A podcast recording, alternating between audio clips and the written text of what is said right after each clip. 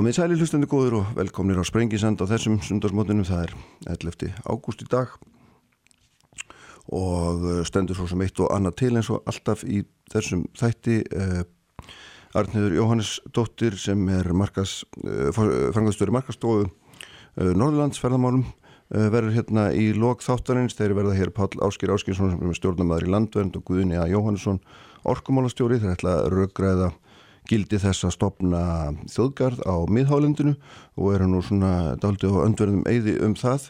Uh, Hafdís Hanna Ægistóttir sem er fórstöðumæður landgræslu skóla, háskóla, saminuðu þjóðana verður hérna líka, það er ætla að fjalla um nýja og daldi sláandi skýslu uh, milliríkja nefndar saminuðu þjóðana um, um, um landnýtingu sem er svona enneitt púsli í þessa stóru mynd sem er að dragast upp um, um áhrif hlínunar, uh, áhrif útblástus gróður og alls þessa málsloflagsbreytingar sem við köllum í, í hérna daglögu tali. En aðalgestur minn og svona fyrsti verður eins og Guðmundur Andri Tórsson alþingismöður, ritthöfundur, pislahöfundur og, og svona með meiru, rittstjóri líka. Uh, hann verður hérna fyrsti gestur eftir, eftir ögnublik. Sæli hlustundur þá höldum við að stað hér á Sprengisandinum. Uh, Arniður Jóhannesdóttir verður hér í lokþáttar Páll Áskir Áskilsson verður hér Guðni A. Jóhannesson orkumálastjóri hafði sann ægistóttir frá Landgræslu skóla Háskóla saminuðu þjóðana þau verða öll hérna eh, en fyrsti gestur minn í dag Guðmundur Andri Tórsson, aldingismæður sestur hérna hjá mér, sæl blessaður og velkomin Já, þakka fyrir, sæl blessaður. Blessaður og blessaður, heyrðu hérna, svona alltaf byrja einhver staðar. Þú ert, þú ert hérna hundruður af pislum um, um daglegt, daglegt nei, hérna, hvað segir maður um svona daginn á veginn getur við sagt í hérna fréttablaðið aðalega á síðari tímuminnstakosti og svona, og, og mér langaði þess að reykja þann þráð með þér yfir í þennan sko jakkaflætta klætta mann sem ég sá á mynd mm. í Luxemburg að greiða atkvæði fyrir hand íslensku þjóðarinnar á ráðstöfnu á vegum öðsegna sem minnst að það er daldill. Það er daldi munur á þessum tveimur fýrum er það ekki og svona daldi ferðalega þarna milli þó að sé kannski ekki langt í árum í sjálfu sér. Jú, allir það ekki hérna, ég kannski er nú kannski áttam ekki alveg á því sjálfur sko, maður hérna er bara e, í núinu og, og, og hérna og maður er bara við verkefni dagsins hverju sinni sko mm. og hérna mér finnst ég nú alveg að vera sami maðurinn og, mm. og áður þó að ég hérna hafið gegnir þessum skildur núna ég verði eins og að var við það þegar ég tjá mig eitthvað og, og, og sko ég hef alltaf haft svona að vissa til ég hef gaman að jagra stundum og stríða mm. og, og segja eitthvað svona sem er bílundi kannski kannski ekki alveg eftir bókinni og, og þá verð ég var við það að það hefur aldrei þrengst svona hvað ég má lefa mér að segja. Já, og, og, og ég finn stundum fyrir því mm. að, að ég er ekki, það er ekki lengur að ég sé einstaklingur en Guðmundur Andri Tórsson heldur er ég að þingmaður samvikingarinn að segir. mm, og, og ég þarf að gæta að því og, og, hérna, og, líka, og ég líka fulltrúi sko túsundu fólks sem hafa kosið mig á þing. Og hérna, ég, ég verð líka að hérna, haga mínu, mínu, mínu málflutningi og líka bara minni hegðun og framkomu í samræmi við það, mm -hmm. bara sína, sína því virðingu. Uh, og sína virðingu þessu trúnaðarstarfi sem ég er kosin til að gegna, það, það finnst mér mjög mikilvægt að gera. Og, um, og hérna en, að öðru leiti þá, þá er ég náttúrulega svo sem alveg sami maðurinn og um, og uh, ég rekna með því að, að á þess að ég viti það fyrir víst hvað vakti fyrir þeim sem að hérna, sem að fengur þá hugmynd að, að það væri sniðust að ég færi í frambóð fyrir mm. samlinguna þarna í Suðvestu kjördaminuna mm. þá, þá hérna hlýtu það að hafa eitthvað með það að gera ég hef skrifað um þjóðmál já, jú, og stjórnmál jú. alveg árum saman og, og, og alltaf haft mjög lefend og mikinn og sterkan áhuga á stjórnmálum í víðumskilningi og, og það hefur aldrei verið heldur launungamála að ég stutti samfélkinguna frá því áður en hún varð til. Mm.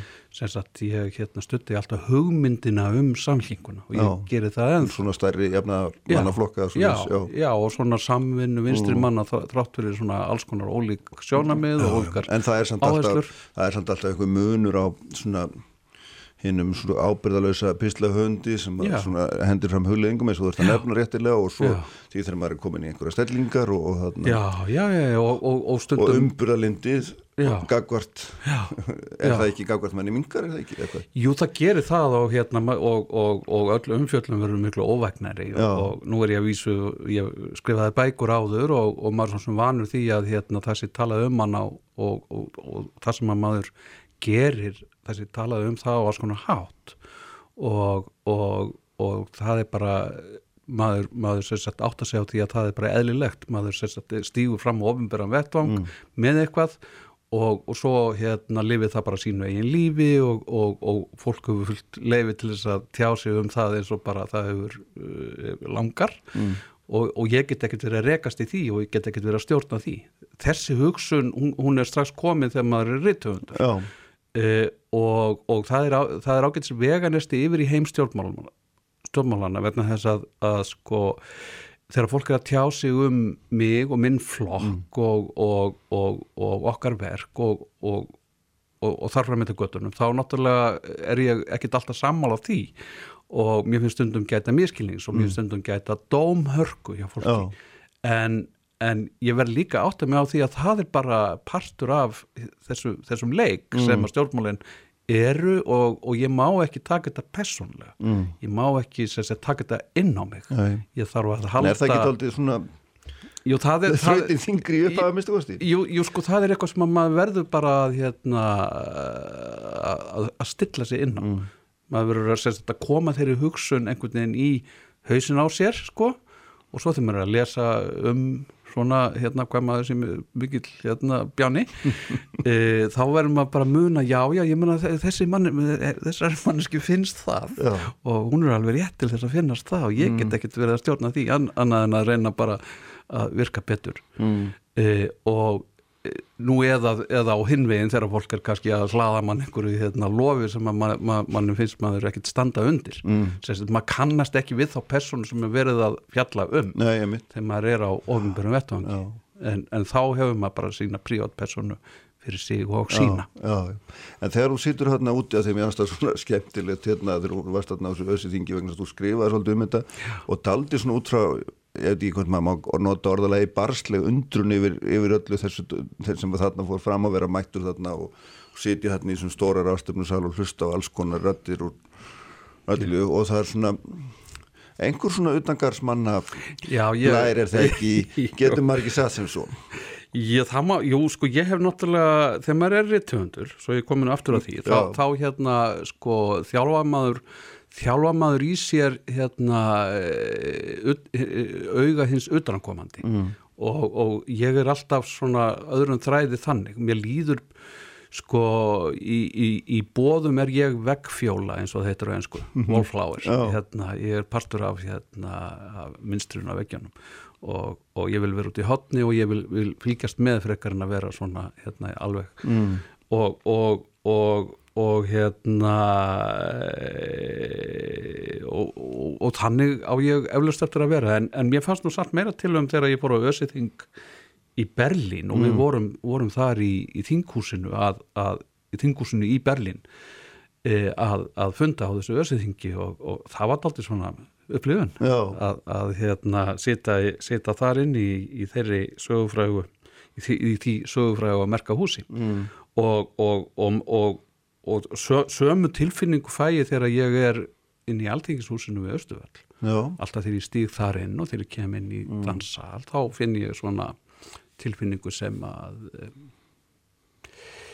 ég veit ekki hvað orð ég á að nota uh, lotning er of stert orð Já. og, of svona hátilegt orð en, ég, en ég finn fyrir vissum svona uh, fyrir, fyrir sögu já, ég finn að ég er, er orðin komin inn á vettvang sem á sér mjög ríka og merka sögu og er mjög dýrmætur og er, er mjög mikilvægt að varðveita og, og umgangast af virðingu. Já, en þú sagðir, segir einhverstaðar sko uh, hérna að einmitt að þú beri virðingu fyrir alþingi þó þú berir ekki virðingu eða ég man ekki hvort orðaði nákvæmlega þannig en, en umræðan snýrast um það hvort maður væri hægt að bera virðingu fyrir alþingi sem stopnum þá maður bæri ekki virðingu fyrir alþingi Það er engin- mönnum, engin sérst- mönnum, mönnum á einhverju tíuambili Já, það er engin sérstök ástæða til þess að sko bera einhverja ólega virðingu fyrir alþingismenn, bara alls ekki. En er þetta ekki hlutað í sama vegna þess að það maður sá maður líka Ég- voru ansvör við að, hérna, að, að star, staðurinn mótast af þeim sem þar eru ekki satt? En þú ekkert með virtist vera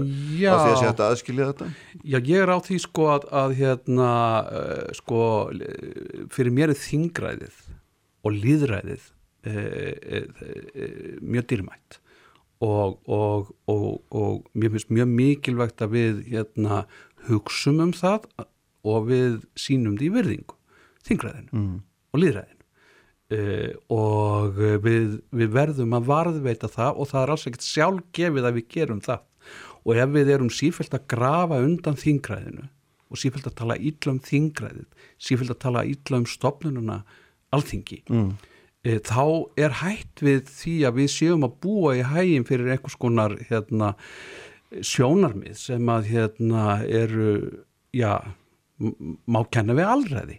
Og, og þetta, þetta sá við á 20. öldinni víða um lönd. Og, og við mögum aldrei ganga út frá þingræðinu sem gefnu. En sem sé við um að sína þingræðinu og alþingi og fyrirbærinu og stopnununni alþingi virðingu. En þingmenn eru bara fólk úr þjóðardjúpinu sem hefur valist til þessara mikilvægu trúnaðar starfa. E, sagt, það sitja á þingi er mjög mikilvæg og dýrmætt trúnaðar staða og, og hérna e, og við um að vanda okkur við það við, við, við Íslendingar, við kjósendur við um að vanda okkur við það hverja við sendum inn á þingið. Við um að gömgefa það vel og er þetta fólk e, stendur það undir því trösti sem við sínum því? Og er það líklegt til þess að, að vera til heilla fyrir, fyrir þjóðina? Já. e, En hvað finnst þér um sko en, hérna, en, en, já, sko, en, sko, en sko það tekst misjaflega til með það að sjálfsögðu. Að við erum sko misjaflega glögg, við erum misjaflega mannglögg Já, einfallega og, og fólk er, er, getur verið að, í, í því að villa á sér heimildir. Mm. Uh, mjög flýnt og ma margir eru snillingar í því, að, í því að, að koma mjög vel fyrir en reyna svo uh, ekki standa undir því. Þannig að hérna uh, fólki sem við sendum inn á þing er að sjálfsögðu alls konar og oft galla gripir að sjálfsögðu. Og við þurfum líka að hérna, sína því vist umbörlindu og vissa virðingu að, að, að, að það sé misjafn sögður í mörgu fjö og, og, hérna, og ekki vera of dómhörð. Mér finnst þess að stjórnmálin uh, eigi, þau snúast kannski of oft um meinta persónuleika bresti og, og hugsanlega spillingu uh, einstakra þingmanna. En mér finnst að þau eigi meira að snúast um sko við, við, við förum þarna inn á ólíkum forsendum og af ólíkum hugssjónum höfum og ólíkum hagsmunum. Við ætlum að gæta ólíkra hagsmuna og við höfum ólíkar hugssjónir og, og, og, og, og þing, á þinginu tókumst við á um þetta. eh, og, en, en við erum bara sjálfsögðu alls konar fólk. Og, og, og við erum öll meir og minna hérna, galla greipir sem erum þarna inni. Að, að, að, það leiðir að sjálfu sér. Þannig eru, eru bara manneskjurnar. Já, já. Sko hérna það sem er áhugavert í þessu kannski rétt áður með gerum smá hlýja er líka sko spurningin um fagmennsku versus eitthvað kallað hyggjuvitt eða eins Já. og ég vegna þess að hérna, brjóstviðið Já, brjóstvitt, já, en Já. betra hérna vegna þess að, að sko stjórnmál eru náttúrulega eins og öll önnur störf að þarf að læra þau Já. og maður þarf að hafa ákveðna þekkingu og, Já. og hvernig finnst þér þetta þegar þú Þetta kemur hérna inn að því að, Já. að því að það er eitt að skrifa pisla í blað en annað er að þurfa að setja sér nákvæmlega Já. onni sko 20 og 100 af alls konar Já, já. málum ekki satt algjörlega, já, já, svo sannarlega og, og finnum maður til eitthvað vannmáttar eða hvað Já, maður gerir það, að sjálfsögðu finnum maður til vannmáttasins og, og ábyrða, ég manna við erum að, að hérna búa hér til, við erum að, að, skapa lög sem mynda umgjörðina um daglegt líf fólksins í landinu. Það er engin, engin, engin smá ábyrð sem fylgir því. Og það er eins gott að það sé rétt gert og gert eins vel og, og, og, og hægt er. En, en, en hérna Uh, þetta, er, þetta, er, þetta er mjög hérna, skemmtilegt umhengsunarefni þetta með sko hið faglega versus sko hérna Já, amatöruna, ég, ég er til dæmis amatör Mm. í stjórnmálum uh, ég hef, hef ekkert lært þetta. Nei, nei. Og, og ég lærði ekki lögfræði og, og, og sko það er ákveðin svona lagalegur ungliðar reyfingum og fórst ekki í þá liðina ég, ég hef aldrei starfað neitt í stjórnmálum Nei, sko, nei. bara ekki neitt. Nei. hérna var alltaf hérna, svona óflokksbundin en, en hérna e, sko í nágrannlöndum okkar og í Þýskalandi og, og, og svona ímsum löndum sem við svona, svona lítum til. Þar sko er vex fólk upp innan stjórnmálarheifingana alveg frá unga aldri, allra. Og, og hérna og, og það byrjar mjög ofta á sveitæðsotnarstíginu og, og hérna færi ákveðna þjálfum þar. Það færi líka þjálfin innan flokkana mm. Og svo færi það þjálfun á sveitæðsotnarstíginu og, og það er orðið svona þjálfaði stjórnmálamenn þegar það fer inn á þing. Já, já, og, og ég held að sé alveg fáhert að þessi gripin upp af götunni einhver, einhver rítvöndur hérna og, og sendur það inn. það er svolítið þetta sem ég var að vísa Þetta er svolítið íslenskt. Já, ég veit það, það er svolítið þetta sem ég var að vísa til upp að þegar ég var að tala um jakkafattamannin í, í, í, í hérna á ösirástum Já, þetta er svolítið íslenskt og, þe- og þetta svona þetta svona þetta er svona, þetta er nýjungagetni nýjungagetn og, og hérna og gefum fyrir að pröfu eitthvað Mm. eitthvað svona óvænt.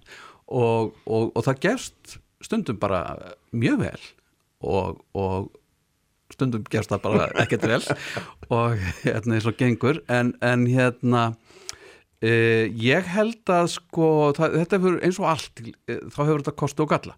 Þegar maður kemur svona utanfrá uh, og, og ég tala nú ekki um þegar maður er rithöfundur og maður hefur ákveðna þjálfun í því að fást við texta og vinna með texta og skilja texta og, og að sko skrifa upp texta. Sessi að, að maður, maður hefur þjálfun í því að sökka sér ofan í texta og skrifa hann síðan upp sem að er mín þjálfun vegna mm. ég starfaði árum saman inn á bókaforlegi við, við það nákvæmlega og hérna þegar maður hefur þessa þjálfun þá er það í sjálfur sér ekkert slæmur undirbúningur undir það að, að hérna fást við lagateksta og, og brjóta þá til merkjar og, og hérna og skilja þá og, og, og, og koma þeim síðan yfir á hérna eitthvað skiljanlegt form. Þannig að hérna e, þessi sko það að vera utanakomandi getur líka verið kostur hjá stjórnmálamanni e, vegna sem maður kemur þá með ný viðþor og, og hérna viðþor sem að eru kannski ekki kerfislæg mm. getur við sagt, þess að fólk sem vex upp innan sko stjórnmála kerfisins, mm. það hugsar á stjórnmála kerfislegan hátt. Já, og, og, og, alveg sama í hvaða flokki það er. Þess vegna er endur nýjun held ég góð ef við ekki að gera hérna östu klí og halda svo áfram Guðmundur Andri Tórsson, alþingismöður er hérna hjá mér og við komum hér aftur eftir augnablik. Sælir afturlustundur, höldum hér áfram á sprengisandunum Guðmundur Andri Tórsson, alþingismöður er hérna hjá mér, við höfum verið að tala svona holt og bolt um það að vera stjórnmálmaður og ferðina frá því að vera rittuhundur og pislahundur yfir að verða stjórnmálmaður sko hérna, mér langar aðeins að gefa þér hérna frýtt spil sem að uh, maður gerir nú allíka ekki alla jafna en, en hérna samt sem áður, þú kemur hérna inn á, á þessum tíma. Hvað finnst, hvað, í þínum huga hvað eru stærstu hver eru stærstu pólitísku výlínu samtímans? Af því að við erum svona svipari kynnslóð, þekkjum kaldastríðið svart var hvít og Rúsland var neysafðríkin og bandaríkin og kapitalismin versus kommunismin, þetta var allt svo einfalt og, og þarna augljósa línur. Í dag er þetta ekki svona myndi ég að segja allavega, en hva, hvernig er þetta þínum þegar þú kemur inn á þingu, hverju út að fara að hugsa um þetta, hvað hvar eru átakalínunar hvað greinir jafnaðamannin frá einhverjum öðrum Já sko ég vil fyrst segja sko þetta voru ekki augljósa línur hérna í gamla þetta heldur, heldur sko það var alltaf þessum það, það, var, það var alltaf verið að reyna sko, uh, sko það var verið að reyna að leggja þetta upp sem svo að þetta væri bara þessi kommunismin, sovjetrikinn, kapitalismin, bandaríkin. En þetta var það ekki svo. Nei, nei, nei, og hérna e, og, og ég svona og fólki kringum mig við vorum alltaf sko að hérna vonast þess að sósialismin gæti komið fram sko í einhverjum öðrum löndum og, og, og, með öðrum, öðrum hætti heldur en, heldur en sovjetkommunismin var. Og, og þessna bundum svo margir svo mikla vonir við voruð í, voruð í Prag í Tjekko 68 og, og, og, og hérna og svo alla þá hreyfingu sem að vex upp af vesturlöndum í kringum 68 byltinguna og vegna þess að það var bylting 68 byltingin. Já, já. og, og, og það má jafnvel segja að sósialismin hann sigraði í Vestur-Európu en, en kapitalismin sigraði í Östur-Európu það má jafnvel setja þetta þannig upp vegna þess að sko uh, við, við sjáum mjög sterk áhrif sósilismans í sérstaklega norður álfunni, norður-Európu Norðurlöndunum, Þýskalandi og, mm. og, og, og víðar Í sósjaldemokratisman, mér tóða að minna Já, í, í hinnu blandaða hagkerfi og mm. þessi hugmyndum í hinnu blandaða hagkerfi held ég að svona, það sé nú jæfnvel orðin ákveðin svona sátt um það, konsensus um það að, að hérna það sé svona farsælasta eh, kerfið sem kom út úr 20. öldinni eh, í sambandi við allavega hagstjórn mm. Uh, og uh, þannig að hérna það ríkir kannski ákveðin svona sátum um svona uh, hagstjórnatækin en, en það er tekist á um þetta klassíska enguðasýður það, það, það er misskiptingin. Það, það er skipting á egnum og það er skipting líka á, já bara skipting á auði mm. og það er líka skipting á misskipting á aðgangi að gæðum. Eh, eins og ég segja og, þetta er það sem er alltaf tekist á um í, í deilinu um kvótakerfi mm -hmm. þar segja sumir hafa hérna, þennan aðgang að þeim gæðum að, að veiða fiskin sem að öðrum er neitað um og, og, og þessi sem hafa þennan aðgang þeir geta selt Eh, öðrum aðgangsinn að, að, að þessum gæðum mm -hmm. sem er svona eins og ég hefði eignast bókmyndakvóta eftir Tór Viljarsson föðuminn sem var rittöfundur og svo verð ég að selja hérna fríðu, ég var að selja fríðu Ísberg eða uh, Sverri Norrland eða einhverjum ungum höfundum mm. hérna leifi til þess að hérna gefa út bækur sem að ég ætti kvótan sko. þetta er svona sambælið til það þetta er eitt af því sem er bara klassist tekist á um mm. í stjórnmálum og, og, og þarna er bara skiptingi mjög skýr í vinstri og hægri. Það, er, það eru vinstri með sem að hérna lítur svo á að hérna það er að hafa þennan aðgang sem, sem hérna e, mest opinn sem flestum, sem flestir eigi geta mm. spjara sig og, og það eigi að, að hérna, koma á kerfið þar sem að hérna er bæði hugað að því að hérna, það sé gætt, það sé passað upp á sé, sé ekki ofveði en um leið sé það ekki þannig að bara sumir hagnist á því og aðrir, aðrir ekki. E, það er tekist á um, um, um svona skattastefnuna, e, það er tekist á um, um, um það hvað, hvað hérna, bara hverjir hvað menn greiða til samfélagsins uh, mikið mm. af, af, sem, af tekjum sínum og, og vinstri menn þeir eru á því að sko að launatekjur það er að vera hóflegi skattar lágir skattar á launatekjum uh, vennilegs launafólks en það eigi að, að sækja frekar fjöð í ofsatekjur mm -hmm. og, og, og, hérna, og líka í að, að, hérna, að selja leifi að til dæmis e, náttúrgæðum mm. Eh, sem að væri þá á, í almanna eigu það tekist á um þetta. En það er líka sko, sko þetta, þetta, þetta er svona klassisk arfleif jafnaðamanna og klassisk arfleif vinstrimanna.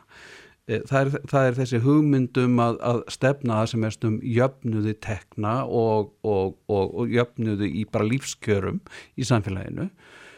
Eh, en það er önnur arfleif vinstrimanna sem ég telvera sem að er ekki síður mikilvæg og það er arfleiðin um frelsi Já. frelsið er ekki hérna frelsi til þess að sitja yfir hlut annara, það er ekki frelsi til þess að hérna tróða á réttundum annars fólks eða, eða til þess að hérna kúa og ræna Er einhver, er einhver og, með og, þá hugmyndum frelsi? Það það, það er hins svokallega frjálsíkja og alls mm. sérstaklega hins svokallega nýfrjálsíkja En það fengir aldrei frjálsíkjum að skrifa upp á þessa skilgrein Jú, sko það er frelsi hins sterka til að mm. fara sínu fram til þess að fela tekjurnar sínar í skattaskjólum mm. til þess að hérna ráða fólk án þess að fólkið hafi, hafi hérna lámaslaun og, og, og, og frelsi er nú mun á frjáls, frjálsíkjumann og lögbröti, er það ekki? Verið nú ekki já, en þetta er alls saman hérna, stund, þetta, sko ég held að þú myndir fá þú, ég, þú, mynd, þú myndir fá sko nýfrjálsíkjumann til þess að hérna, verja þetta tvent sem að ég mm. nefndi hérna. En ekki lögbröti er það heldur það, en er það í grunni þín ástæða? Já, já sko að, að, að nýfrjálsíkjumenn hérna, stiði lögbröt mm. ég held að þeir hérna geti alveg hugsað sér hérna að, að breyta lögunum allavega. En, en, já, já, okay, já, en það sem ég er að reyna að segja er það sko að, að, hérna, að það er ákveðin arfleif vinstrimann og jafnaðamann og mm. það er sko að bera virðingu fyrir e, öðru fólki. E, burt séð frá upprunaðess og stjættastöðu e, trú e, eða öðrum einkennum sem að viðkomandi einstaklingur hefur að, að maður eigi sessi, að, að leifa viðkomandi einstaklingi að, að njóta sín á eigin forsendum. E, og e, þetta er frelsi. Þetta er hugmyndin um frelsi. E, eins, og, eins og við jafnaðimenn og við vinstrimenn hérna, skilgrinu það. Og, og það er sérstætt frelsi einstaklingsins er, er vinstrimönnum bara heilagt og, og mjög mikilvægt Mm. og, og hérna og þetta er líka rétturinn myndi til ekki margir segja að er- vinstrimenn væri hárðum meira á hagsmunni heildar en er heldur en sko frelsi einstaklingsins Já, þeir sko líta á, á uh, hagsmunni heldarinnar í ljósi frelsi einstaklingsins og þeir líta á frelsi einstaklingsins í ljósi hagsmunni heldarinnar. Það er engin sko eiland, engin er eiland mm og, og allt sem við gerum orkar á annað fólk. Þegar ég, ef ég myndi kveiki mér hérna í sígarettu og blása framann í þig, þá er ég farin að orka á, á þig og þína heilsu með mínu framferði. Þess vegna er eins og Don Stuart Mill hérna mm. dróð svo vel fram þá, þá er náttúrulega mitt frelsi takmarka við, við þína heilsu og þína, þí, þína velferð mm.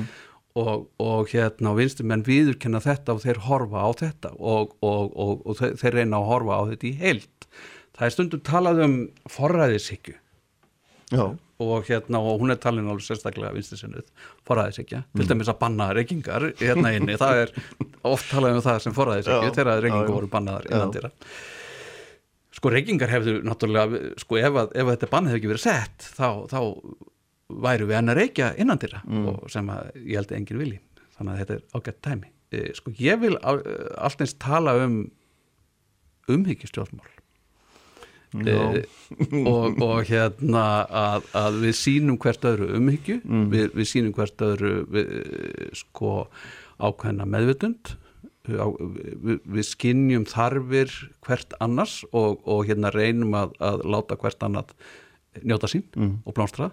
E, um leið og við, við áttum okkur á því að, að frelsi eins e, takmarkast við velferð annars. Eh, þannig að hérna, þetta er ákveðin svona sín á samfélagið sem að, sem að ég held að, að hérna, sé mjög, mjög farsæl. Mm.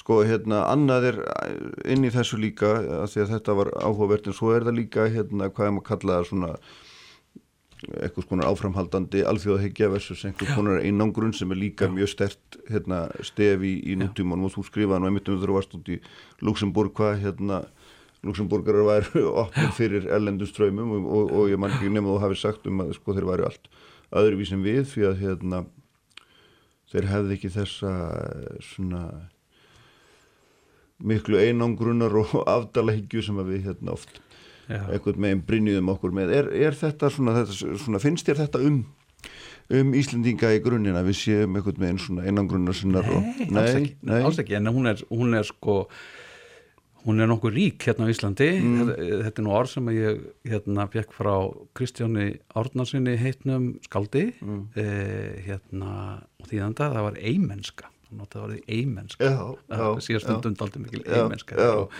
og það er bara eðlilegt þegar að um er að ræða hérna 350.000 manna þjóð hérna út í Ballarhafi að, að hérna hún, hún að þar gæti ákveðinar eimensku stundum, það, það er ekkit, ekkit skrítið. En, en það er ekki þar með sagt að hún sé endilega hérna mjög vænleg til þess að eða svona til, til að hugsa á frjósaman hátt. Um, ég held að það sé mjög ríkt í Íslendingum þörf fyrir einmitt að sækja til meginlandsins, sækja hugmyndaströma og, og, og, og, og sækja list og, og, og sækja varning og, og bara sækja allt sem þarf á að halda til meginlandsins. Og, og ég held að Íslendingar séu mjög miklir alþjóðasinnar. Og þeir vilji taka þátt í alþjóðasamstarfi og þeir vilji virkilega finna, finna, finna fyrir því að vera partur af starra, starri held það held ég að sé mjög sterk eh, til, mjög svona stert í íslensku þjóðlífi hitt er líka stert í íslensku þjóðlífi það er hérna einangurinn mm. og það er líka svona annað sem er kannski daldið stert hjá okkur og ég vil enn sterkara, það er mótrói við Íslendingar eru, ef það er eitthvað sem er þjóðareinkenni á Íslendingum þá er það mótró og röskun af hverju? okkur á ég að gera það Mm, og mm. okkur segir það mm. hvers vegna, Hva, hvað meinar Mm. Sem sé að Hvað ert þú, ert þú að messa við mér daldið? já, já, akkur vilt þú vera eitthvað að hafa vit fyrir mér? Já. þetta er svo skemmtilega orðalega í að hafa vit fyrir öðru. Uh, og ég vil ekkert láta aðra hafa vit fyrir mér, ég vil komast að hlutanum sjálfur. Mm. og, og hérna, þetta er mjög stærst og þetta hefur verið svona ákveðin aflvaki held ég í, í hérna, orkupakkaumræðinni og, og þeir miðflokksmenn og aðrir sem að hafa verið í henni, þeir hafa verið mjög slingir að, að svona spila á þetta element í okkur þetta, akkur, akkur, akkur, akkur við að taka upp einhvern Mm. orkupakka? Og, og, svo, og, og þá koma, koma hérna kerfismenninir og útskýra akkur við þurfum að taka upp orkupakkan á, á mjög löngu og flóknu lagamáli þar sem að maður er dottin út í sko, fjórða orði. Mm. og, og hérna maður skilur ekkert hvað er verið að segja. Og hérna þannig að eftir að hérna, búið er þetta fyrir okkur þá bara spyrju aftur byrju, akkur? Og, og, og hérna e, þessi, þessi hérna hugsun var mjög vel orðuð sko af Jóni Lossinni á sínum tíma. Hérna sem sagði eitthvað á þessa leið þegar hérna kom frá örkibiskupnum í Niðarósi e, tilmælu um það að hann hérna hagaði sínum hérna kvennamálum á einhvern skapleiri hátt. Mann ekki nákvæmlega hvernig það var en hann sagði heyra má ég erkibiskups bóðskap en ráðin er ég í að hafa hann að engu. Og þetta er daldið svona viðhor Íslendinga gagvart alþjóðlegu valdi. Já, og þetta er bara heilbritt og gott viðhor já, en, en getur samt gengið og langt. Mm. og hérna getur komið út í sko einhverju svona stífni gagvart hérna gagvart e, það sem hún á ekkit við. Og, og einhverju svona býta í sig einhverja, eitthvað sko einhverja, einhverja mótróa, einhverja anstöðu það sem að kannski er ekki stórkostlegir hagsmunni í húfi Mm. Heldur ekki geti verið að þarna sé verið að endur á eitthvað svona tónum það að fólki í daldi mörgum finnist við höfum gengið og langt í svona und, að undirgangast eða að kalla það alþjóðlegt vald eða, Já, eða eitthvað þess áttar já ég, ég hugsa stundum um það þess að ég sitt á þinginu og, og við erum að afgreða hérna e, þessi Já, tilskipanir allar. Já, já, já, já, já, hérna og, og við höfum kannski ekki haft mikið um þetta að segja. En þetta, þetta, er, þetta er svo arlega sem við fengum hérna frá, frá viðeigastjórninni þar sem að hérna fóringjarnir hafa nefnt verið að berja skegg triða orkubakkanum þeir. Davíð Jónsson og Jón Baldur Annebarsson e, og hérna það er að segja að, að við fáum hérna þennan aðgang þennan viðskiptilega aðgang að, að þessu svæði.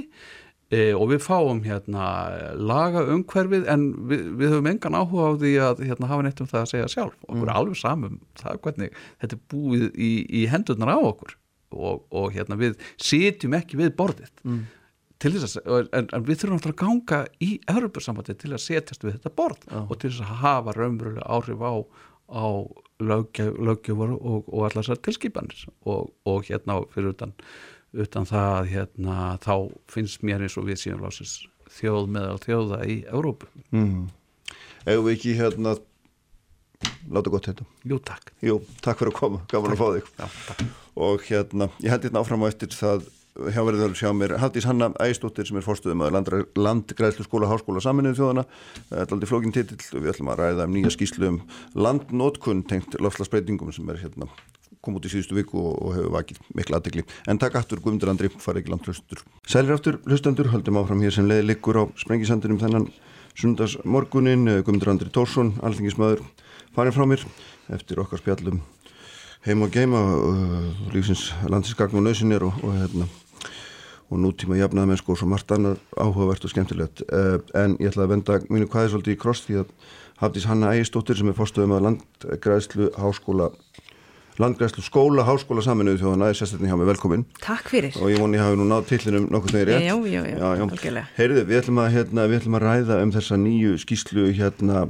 IPCC sem er nú ennsku Intergovernmental Panel on Climate Change sem er einhvers konar svona milli þjóða nefnd, vísinda nefnd hérna, fjöl, fjölmargra þjóða um breytingar á loslægi, Mhm, einmitt. loslægsbreytingar og, og hérna ætlum við að ræða um landnótkun og loslægsbreytingar að mannavaldum og þú ert sérfræðingur í, í þessu og, og hérna sko e, það sem ég var aðeins áhuga á svona er bara kannski sko hvernig tengjum við þetta saman? Að því við erum mikið að tala um andrumsloftið og hlínuna þar, nú erum við fann að tala um landnótkunna og þar blasum við síst skári mynd, tengdu þetta aðeins saman fyrir okkur, hvernig Já, þetta er nefnilega mjög mikil tenging á milli loftlasbreytinga mm. og svo áhrifa á landið af því að í rauninni því að við oft segjum að þá getur landið bæði verið hluti af lausninni mm. og af vandanum mm -hmm.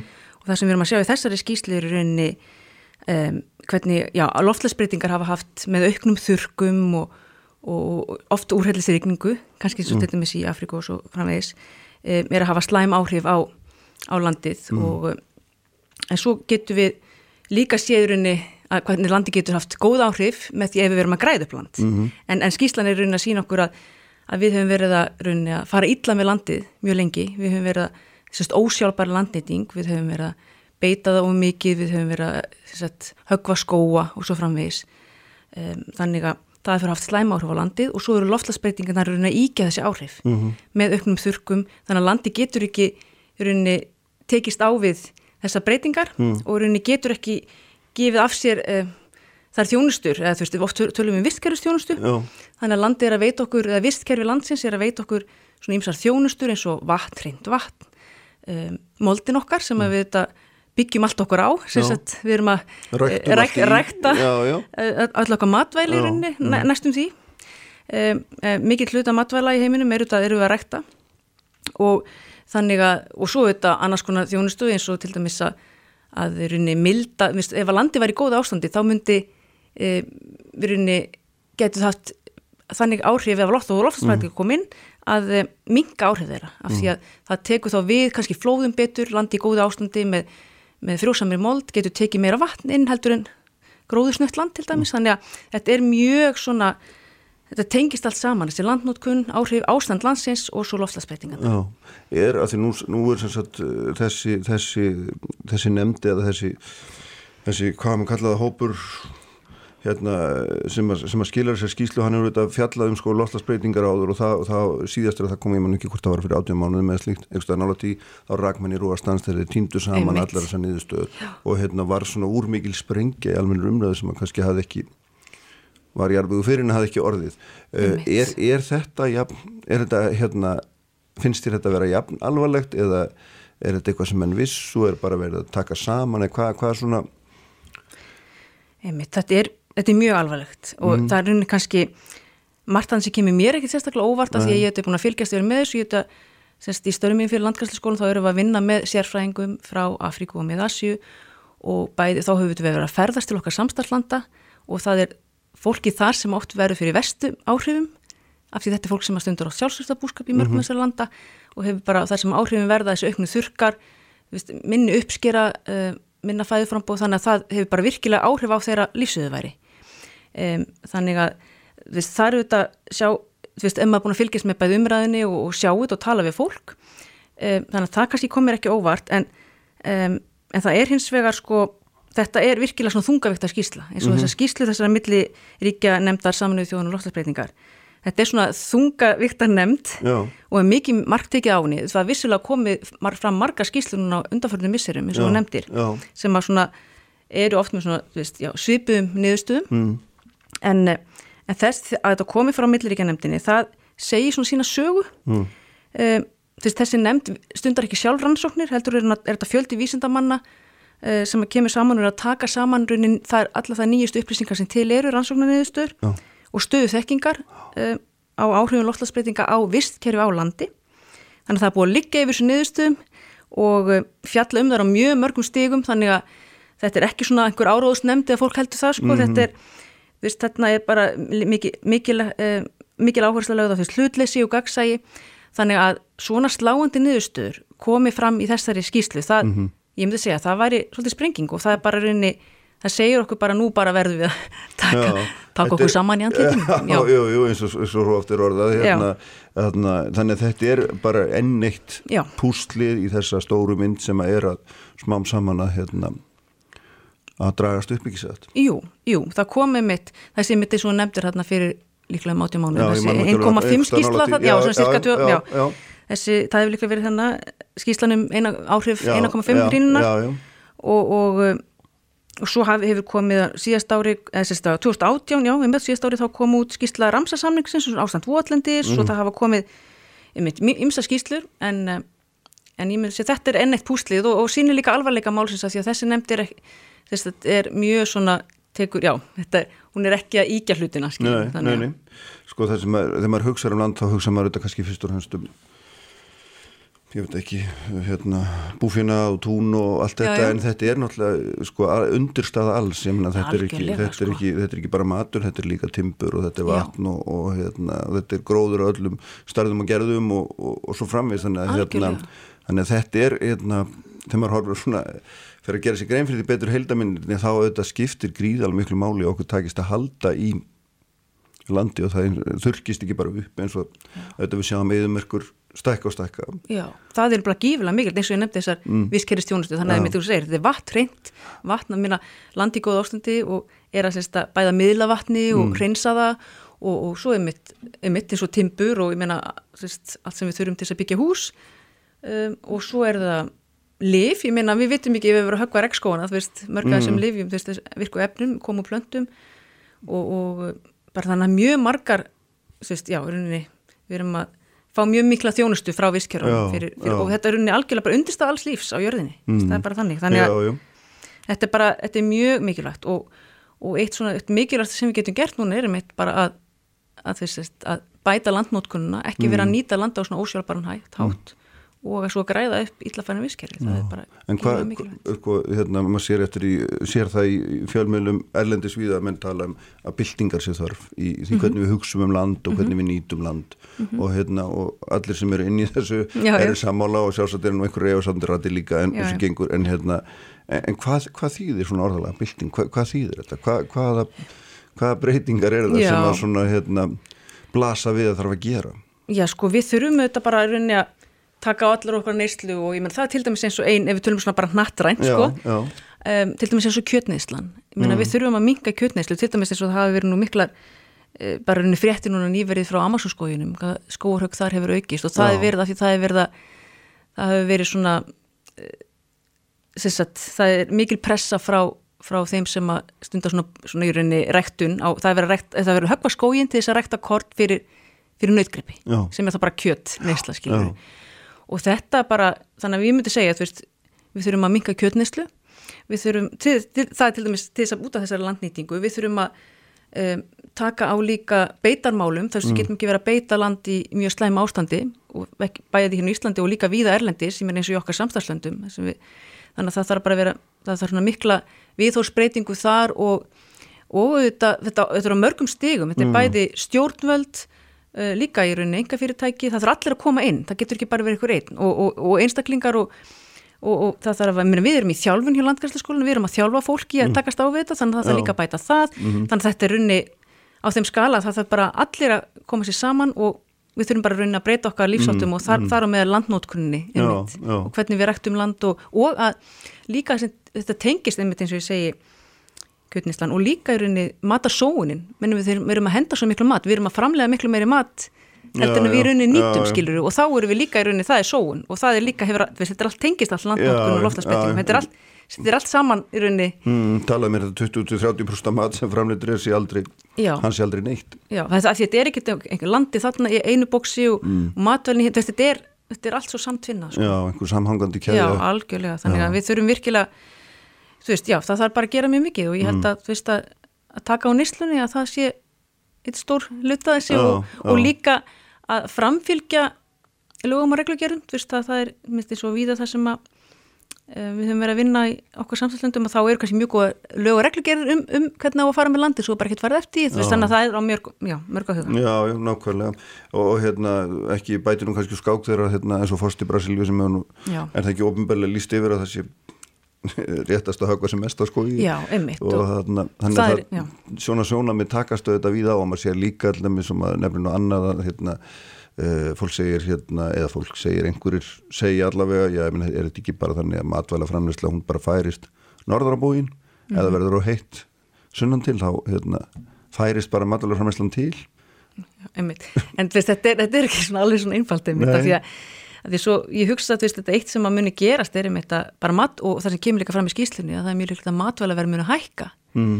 og það hefur áhrif okkur öll. Og ég menna og, og veist, hvernig þessi fluttningur, við þurfum að huga líka að fluttninga millir landa, að ég hugsa að í framtíðinni getum við ekki Vist, þessi lúksus núna allavega eins og við á Íslandi og Vesturlundum búum við bara, við getum bara kæft hérna jarðabir í þessum ber og við þurfum ekki þeirra, við þurfum að hugsa meira lokalt og hvenar við Já, vist, og, og borð, eins og var bara gert hérna, það er ekki margir áratöyu síðan að, að, á Íslandi sko, við bara, það varum ekki hægt að fónum eplinum á jólunum. Nei, það er alveg rétt, við hugsaum svo mikið lokal og það var aldrei nýtt til. Já, einmitt, hmm. það mætti kannski einhver stára milli, milli vera sko, en þetta er allavega svona, já, þetta er Já, einmitt, þannig að það er hérna, þannig að það sem þú ert að reyna að vera að segja er þá að það, það er hérna, þannig erum við að horfa upp á vísu skýslu um landnótkun en hún hefur svo miklar afleðingar úti í svo margt sem Já. að tengist okkar daglega lífið og ef ég hérna, næði bóðskapnum rétt, skilbóðskapnum rétt er það ekki. Einmitt, þetta hefur bara mjög mikil áhrif, mun, mun hafa mjög mikil áhrif á, á daglegt líf okkar og ég menna mm. við sjáum það nú þegar eins og ég var að nefna sem sagt uh, á fólk í, í fátökarhöndum löndum heims eins og minna í þessum um, löndum sem ég hef verið heimsækja vegna minna vinnu þar sem þetta hefur nú þegar mjög mikil áhrif þessi auknu mm. þurkar uh, við erum að sjá endalsa fréttir að við í rauninni sem að matvæla já, minna það er mat, uppskera matvæla hefur minkað og já fæðuröryggi hefur minkað og fátækt mm. og, og erum við alveg vissir um að því að nú hefur ofta, ofta orðið uppskjörubrestur í gegnum aldinnar mm. erum við alltaf alveg vissir um að hérna, um orsakatengslinn Þetta er núna bara á þeim skala að hérna, við, við getum ekki tort fram hjá því að, að loftlagsbreytingar er að hafa hana, mikil áhrif mm -hmm. og, og, og, og ég meina til dæmis líka eins og það var núna í marsíðaslegunum það, það er líka kostur vísindana að vera tefla fram heilbröðum ef ekki satt? Já, og eitt af grundvallar aðriðum í vísindum og þegar allir orðinir samála þá er maður ótt að hugsa býtu gæti ekki hérna, erum en þá ekki farnir að sko, þá hleypum en ekki lengur ef að senda röndum að? Sko það er unni, viðst, núna er þetta bara þannig að arvaleikin orður það mikill og við erum að sjá skýslur eins og, og skýslu þessara milliríkja nefndar sem er mjög svona svona hlutlausnemd og, og mjög svona varkár, myndi ég mm. segja og við getum bara ekki núna, við höfum ekki tíma lengur fyrir, fyrst að velta fyrir okkur, þú veist, ef að semdur öttum þær eru vissuleg einhverja til staðar, Já. en það eru fannst fáar, og, en það eru hávarar og það eru líka, á, þú veist, margir hagsmunni þar á baki, Já.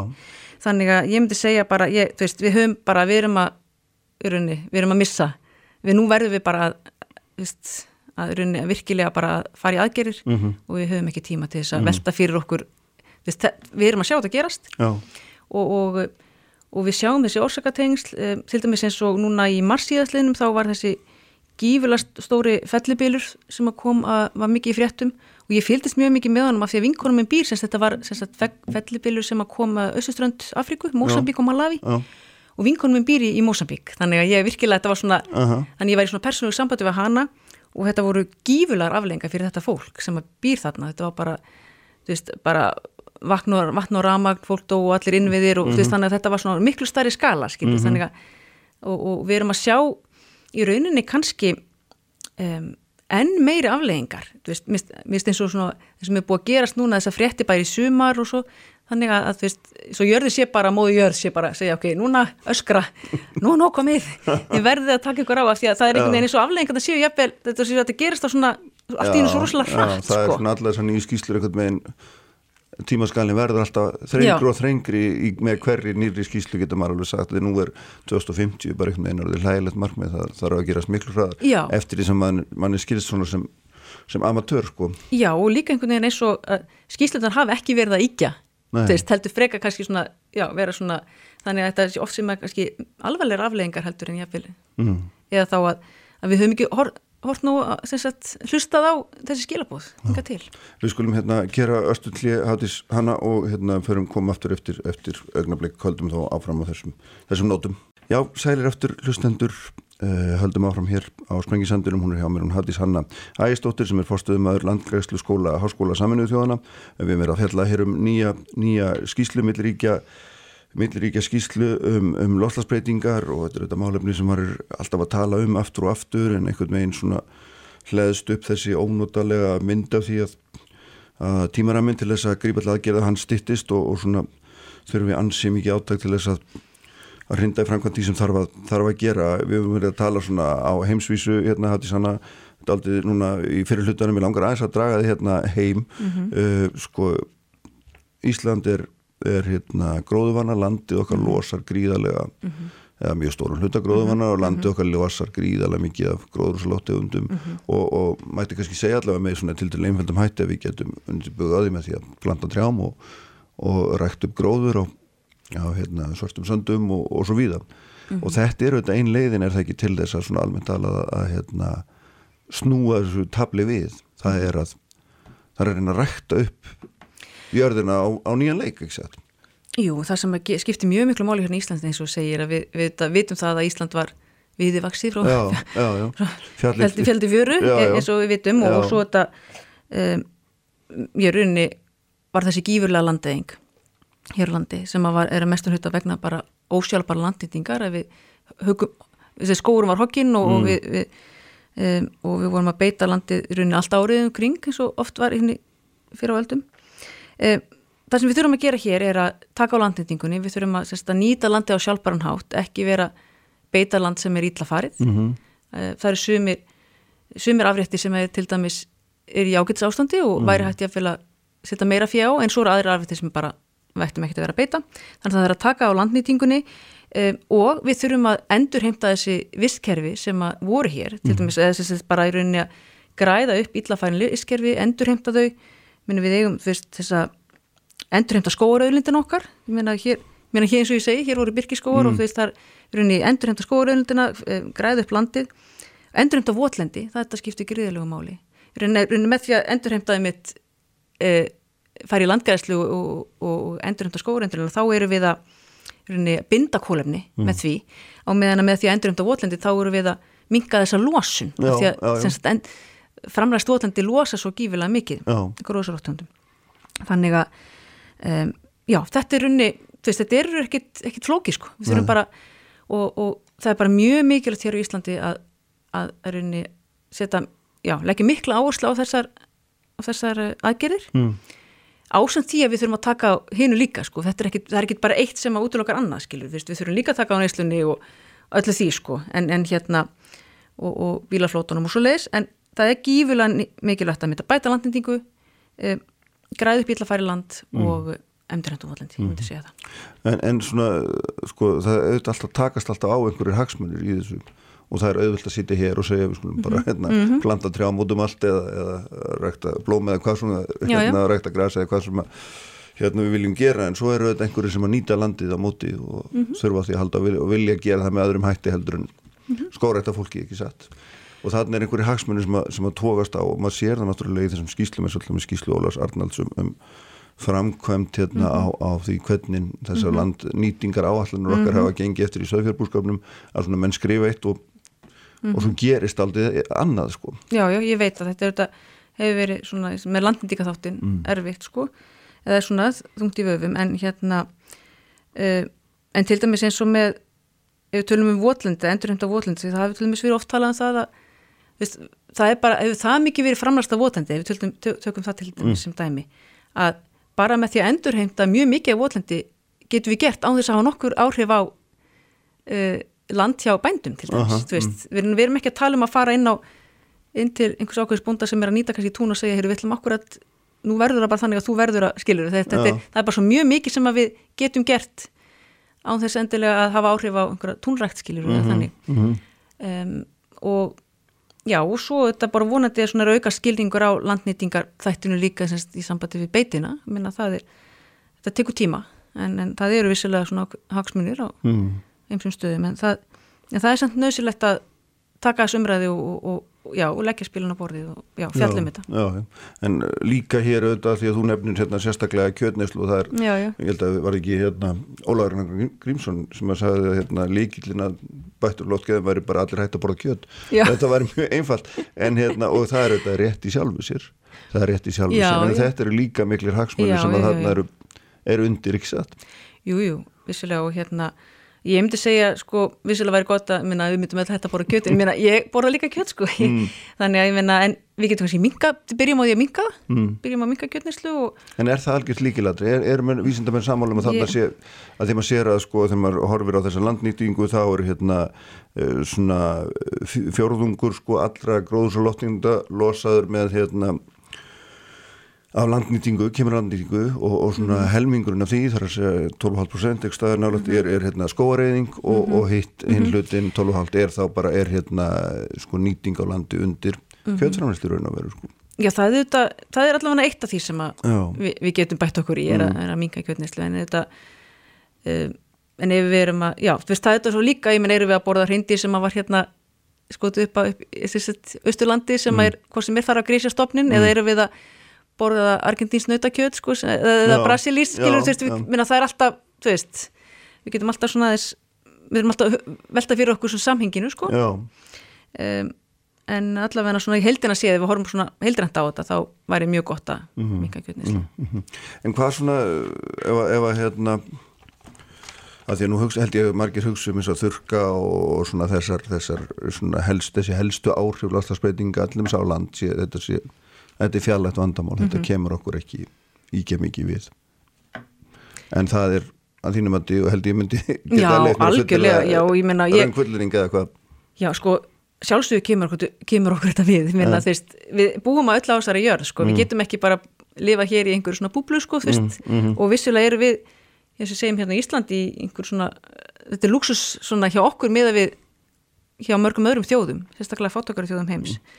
en hins vegar munum við líka þú veist, það muni vera breytinga líka hér á Íslandi, ég meina við veitum áttum þetta góða sumar og munum mörg okkar nutu góða sumars hérna og við munum geta séð, þú veist, það er líklegt að við munum sjá hérna áhrif á að þetta vaksta tími kannski úttamunni, þú veist, færast fram og, og flatam og gróðismunni stækka en það geta líka, það er líka ríkur á að þú veist, skortirapráfumunni aukast mm -hmm. á mhm. Íslandi mm -hmm.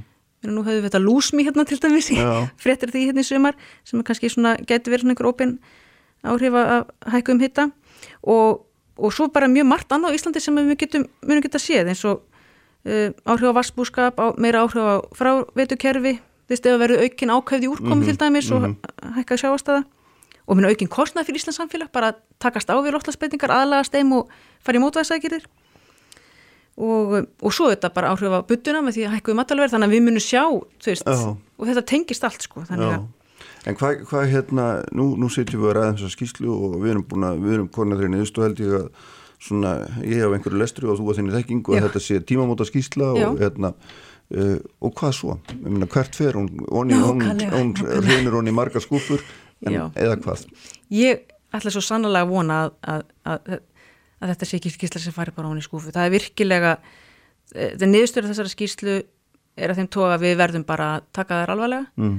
og og ég vona bæða að, stjórnvöld takiði mjög alvarlega og, en líka bara fyrirtæki veist, og, og, og einstaklingar og rauninni allir þannig að þetta sé svona og við, við getum öll veist, sett pressu á Já. bæði fyrirtæki og stjórnvöld sem að taka þessar stóra ákvarðanir en líka á okkur sjálf bara, já, þannig en En, hérna, en fyrir þetta einhvern ákveðin fyrir er þetta sendin á ríkistjórnir hvað er, er sveitafjölu hvernig... Já, ég veit allavega þú veist, rauninni ég veit ekki hvernig þetta er við annar staðar en, en hérna hérna fá þetta ríkistjórnin og um, umhverjusráðunitið mm. þetta er allt ofinbert og, og í þessari milliríkja nefndi er þetta mjög marga þjóðir. Veist, um, flesta þjóðir heims. Eh, þannig að koma að þessu þannig að þetta ætti að fara út í þetta er rauninni, þessi kríslaði gerð fyrir rauninni svona, svona, stefn, svona policy maker sem sagt er svona, svona stefnumótandi þannig að þetta á að þetta er svoleiðis skísla, þetta mm. er ekki ekki þú veist, rauninni bara einn rannsóknar niðurstaða í, í rítirindu tímariti heldur er þetta sko samansapn og þessa skíslur eiga rauninni ymitt að hafa þessi áhrif að mm. fara inn í og, og eru notað til dæmis eins og fyrir hjá loftasamningnum þar sem allar, þar sem að Parísa samkominlæg, þú veist, þetta er e, loftasamningur notað þessa niðurstöður í, í sínum í rauninni umræðum og, og, og svo framvist þannig að þetta ætti að geta haft mikil áhrif og ég mm. vona svo sannlega að gera það. Ljómandi, hætti svona Æstóttir, takk fyrir að koma, gott að fá þig. Takk sem leys og ég held hérna áfram eftir aðstötta stund þá hérna verða hér hjá mér til Páll Áskir Áskísson sem er stjórnamaður í landvernd og Guðni A. Jóhannesson, hann er orkumálastjóri. Við ætlum að ræða um miðhálendis þjóðgarð og svona skipta skoðanur um, um það fyrirbyrðið, færi ekki land. Sælir eftirlustendur, uh, Hafdís Hanna Ægistóttir, fórstuðum af landgræslu skóla, háskóla saminnið þóna er farin frá mér. Uh, þeir eru hjá mig núna Páll Áskir Áskinsson sem stjórnamaður í landvernd og Guðni A. Jóhannesson, orkumálastjóri. Guðni sýtur hérna hjá mér en velkomin Guðni en Páll er hérna í símanum uh, Uh, hérna út á landi með farþega og er svona öllítið tímabundin þannig að við ætlum að hérna svolítið að beina okkar tali kannski fyrst til hans Pál, hérna Sælublesaður Sæl Sko við ætlum að ræða aðeins um þessa hugmynd um, um, um uh, þjóðgar á miðhálendinu og, og hérna Guðni hefur líst yfir efasemdum yfir, þeim, yfir þau hérna vegna þeirra marka sem að dregin hafa verið utanum þær tilugur sem að mm -hmm. liggja fyrir núna. Uh, landvendamenn og þú þar talsmaði þeirra þið eru svona alveg hinnum megin vegna því viljið eiginlega að að þjóðgarðinu verði stækkaður miða við þau, þau mörg sem nú eru dregin upp ekki sett. Jú, það er kjarnið þessum áls er, er nákvæmlega þessi að uh, nefndin sem að er að undirbúa stofnum þjóðgarðsins og hún hefur sett fram uh, til, tillögur um, um hvar mörg þjóðgarðsins verði dregin og, og uh, landvend hefur líst yfir að það er að nýta tækifærið og, og, og draga mörgin munu í þar heldur en nefndin leggur til. Eh, og eh, kjarnin í okkar tilögum er kannski sá að í stað þess að miða við þjóðlendur að þá eigi að vika út mörg þjóðgarsins umfram þjóðlendur og ríkisjarðir eins og náttúruvendarsjónum við gefa tilöfum til. Við teljum að, að, eh, að miða mörgjum við þjóðlendur sé lægst í sameigilegi nefnari mm -hmm. og sé berið vottum ákveðin metnaðarskort. Auk þess teljum við að að það séu engin rauk fyrir því að láta miðhalsþjóðgarð ekki ná óslitin að og um jöksagljórum þar sem að svæðið er nú þegar í verðarflokki rámaðallunar og, og í þann stundum ári við leggjum til að þjóðgarðinu verði tölver starri mm. og heldur en nefndin hefur sett fram í þessum tilögum. Já, og hvað, hvað svona, sko það sem er þetta kannski mörgin sjálfur eitt og síðan er hins vegar það sem má gera innan þessara marka og hver á að ráða Já. því hvað á að gera innan þeirra og, og því við erum með guðna hérna með okkur og kannski þá er þetta svona orkumálin er kannski það sem skiptir mestu málu þetta, við skiptir beit einhverju máli veiði skiptir einhverju máli, almenna samgöngur skipta máli, en orkumálin með bæði með línulögnum og eins bara hérna Já.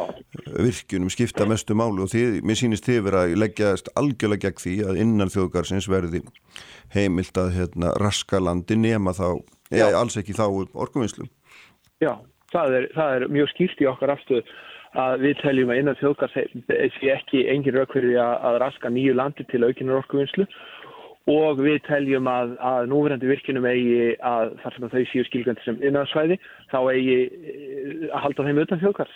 Mm -hmm. Hvað þýðir það er nákvæmlega uh, að, að lína sér dregin utan og þau séu ekki innan þjóðgars? Hvaða máli skiptir Já, það, það í grunnum fyrir, fyrir amatöru? Kjarnið sem alls er sá að við teljum að, á flesti telji, sem að vinna við þjóðgrafið þeir telja að, að, hérna, að þeir snúist um friðun náttúrunar mm. Eh, við höfum kosið að taka skýra afstöðu með náttúrunni. Við teljum að hún eigi ekki marga aðra málsvara nú um stundir. Og uh, ég held að, að þetta orðalagum að náttúrun eigi njóta af avans það eigi ekki betur við heldur en nákvæmlega í þessu tilviki. Það að það er betra að friða meira en minna vegna þess að til lengri tíma litið þá er þetta ekki átök milli hagsmuna náttúrunar annars vegar og hagsmuna mannsins hins vegar heldur eru hagsmunu náttúrunar okkar hagsmunu til lengri tíma litið. Mm. og það er auðveldara að, að sko eh, betra er heilt en vel gróið segir Íslands máltæki. Og það er betra að eiga einhvað óskemmt heldur en að, að, að reyna tjastla í það um, þegar er búið að skemma það mm. Þannig að ykkar mandi þá er, er sko yðnað framleysla eða einhvers konar yðnað starfsemi getur aldrei verið, aldrei verið innan, innan þeirra marka sem við draugum í kringum þjóðgard. Það er, er kjarnin í okkar tilugum og ég held að ef við lítum á þessar, þessa umræðu um miðhalsþjóðgardin og mörk hans og fasta starfsemi eins og hún er að þróskast að þá áttum við okkur á því að þetta er í rauninni áreikstur millir tvekja ólíkra hugmynda Annars vegar má segja að þetta sé gamla stóriðistöfnan sem að eh, gekk út frá því að maðurinn, manninu jáfnveil bæri skilda til þess að nýta öðlundir náttúrunar sér til hagspóta og ávinnings eh, og þess vegna ættum við að virkja frekar en að friða. Eh, þetta eru svona viðhorf sem að hljómuðu vel 1969 en miklu síður 2019 Eh, við erum meiri talsmenn sko nútímans í þeim skilningi að, að okkur verður eins og mörgum fleirum verður stöðust betur ljóst að ósnortin výðerni og ósnortin náttúra yfir höfuð er þverrandi auðlind á heimsvísu og þess vegna höfum við ákveðna skildur gagvart okkur sjálfum, gagvart okkar ákomendum til þess að standa sem byggastna vörð um þær og þar hefur Ísland ekki bara skildum að gegna gagvart Íslandingum og Íslandskum, e, þeir sem búa á Íslandi heldur gagvart heiminum öll. Mm. Er, er hérna orðið þjóðgarður? Já. Uh, það er í ykkar huga fyrst og fremst náttúruvendar hugtak? Það er fyrst og fremst náttúruvendar hugtak. Og engöngu kannski? Ég segi það ekki. Það eru þjóðgarðar, þú getur fletti upp í, í hérna hjá allþjóðastofnunum að vendarsvæðu þjóðgarðar eru, eru þeim er skipti ákveðin að verða flokka og það er minnst á það í tillögum miðhaldis þjóðgarðsins og þetta þekkja menn úr starf sem vatnaugurs þjóðgarðs að sumstaðar er mikil friðun, mm. annar staðar er minni friðun og gert það fyrir meiri nýting og meiri þjónustu og, eh, og þetta getur alltaf mann farið mjög vel saman. En kjarni hugmyndarinnar um þjóðgarð hefur alltaf verið náttúruvernd og friðun. Mm. Eitt annað hérna, Pállagskið, sem er líka áhugavert í þessu og það er þetta kemur mjög inn á þessa þjóðgala sem við erum eigum nú þegar, Þingvalla, Snæfellsnes og, og svo vatnajökul og það er, það er hver, hver á að stýra hverju og það er ólík stjórnsísla, hérna, þessi tveir fyrirnefndur regnir með lögum en hinn eru einhvers konar samrás vettungur aðala sveitafélagan á sæðinu held ég og þið eru svona hérna Þið eru, eh, sko þeirra skoðun eftir því sem mér sýnist best að, að svona, það þurfi að vera mjög upplugt svona ríkisvaldi eða einhvers konar, einhvers Já, konar við, vald ofan á þessum. Við höldum að, að, að hagsmunum þjóðgarða og, og vernduna sé kannski betur borgið í, í, hérna, í höndum svona skýrar fagmennsku. Eh, að, þessu, að þessu sögðu þá er rétt að benda á að eh, reynslan af starfsemi starf, vatnaðið þjóðgarðs það sem er mjög breytt líðræðið er við það að hún er góð þegar að, að öllur botnum pól.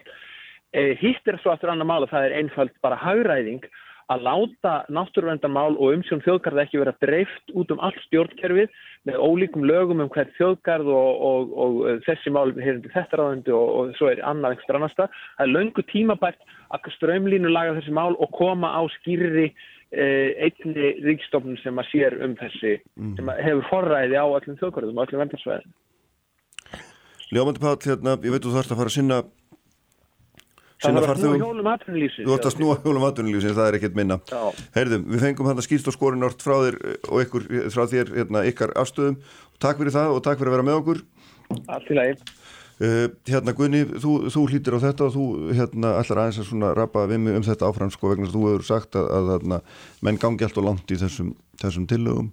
Uh, þjóðgarðin sé of stór þar sé ekki tekið nægilega tillit til jötun og rætti þetta í öðru samingi áður hérna, það sé ekki tillit nægilega tillit tekið til efnarsleira samfélagsleira þátt að heldur einblínt á náttúruvendin og það er eins og kom fram í þessu viðtali eins og mm. það byrjaði núna að, mm. að, að það eru náttúruvendar hagsmunir sem eru þarna allsráðandi mm. og svo er talað um uh, gamaldags stóriðustefnu sem einhvers konar Já. andstæðu Já. en til dæmis rafbílavæðing hér á Ísland er ekki gamaldags stóriðustefna, hún er mjög mótern mm. þannig að, að það er raun og veru þannig að bara þjóðfélagi þróast áfram, við erum ekki í sömu stóriðustefnu og vorum fyrir aldamót að reyna að fá einhver stór fyrirtæki til að fjárfesta hér. Hér koma núna minni og stærri fyrirtæki og vilja fjárfesta í, í orkutengdu miðnaði og síðan sjáum við bara um all land að það er orku skortur mm.